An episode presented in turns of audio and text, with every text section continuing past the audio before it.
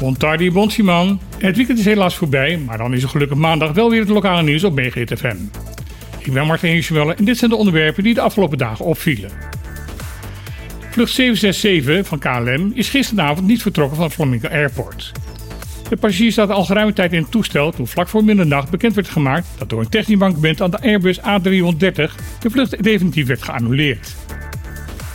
Het toestel was met enige vertraging om 8 uur s'avonds op Bonaire geland. Het was toen al duidelijk dat de vlucht niet op tijd zou vertrekken. Het oponthoud werd echter veel groter dan verwacht toen een probleem aan het toestel werd geconstateerd. Naar verluid bleek de zogenaamde Auxiliary Power Unit niet goed te functioneren. Dit is de kleine extra motor die in het staartgedeelte van het vliegtuig is gemonteerd, dat onder andere moet zorgen voor de elektriciteitsvoorziening van het toestel wanneer de grote motoren onder de vleugels uitstaan. Kennelijk waren de technischen van mening dat deze problemen opgelost konden worden en mochten de passagiers uit Bonaire aan boord komen. Toen begon helaas het lange wachten.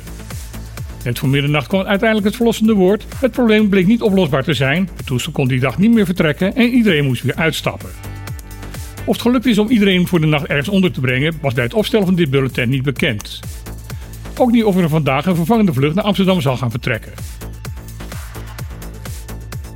Na het aankaarten van de verborgen luchthavenbelasting, die je extra moet betalen wanneer je vanuit Bonaire via Curaçao naar een andere bestemming reist, heeft de pressegroep Airport Tax Busters Bonaire haar pijlen op de overheid van Bonaire gericht.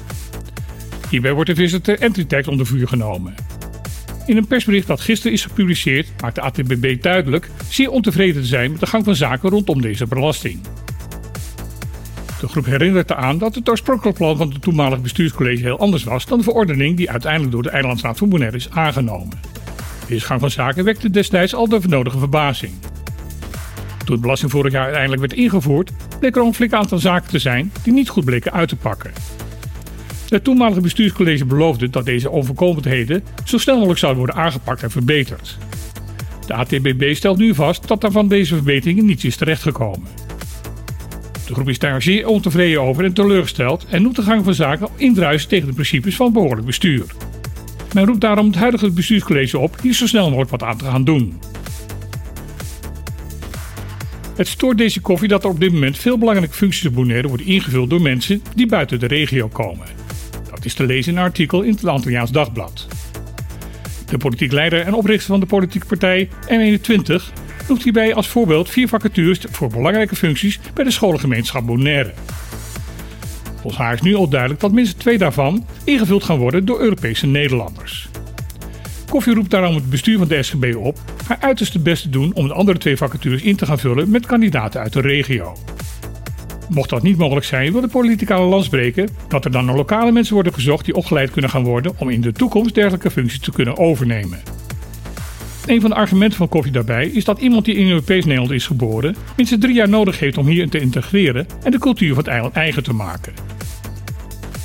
Een betrouwbare bron vanuit de SGB heeft het Antiaans Dagblad laten weten dat de school al jaren het beleid heeft om bij gelijke geschiktheid te kiezen voor een lokaal talent.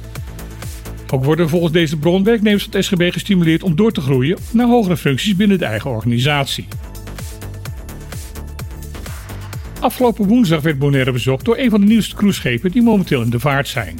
De Mardi Gras van de rederij Carnival. Het schip behoort tot de XL-klasse. Een van de bijzonderheden is dat het schip beschikt over een elektrische achtbaan van 220 meter. Tijdens een rit worden snelheden van bijna 65 km per uur gehaald. Een andere nieuwigheid is dat de motoren van het schip niet draaien op de gebruikelijke zware stookolie, maar op LNG, oftewel vloeibaar aardgas. Het is een brandstof die goedkoper is en vooral een stuk minder vervuilend is dan stookolie.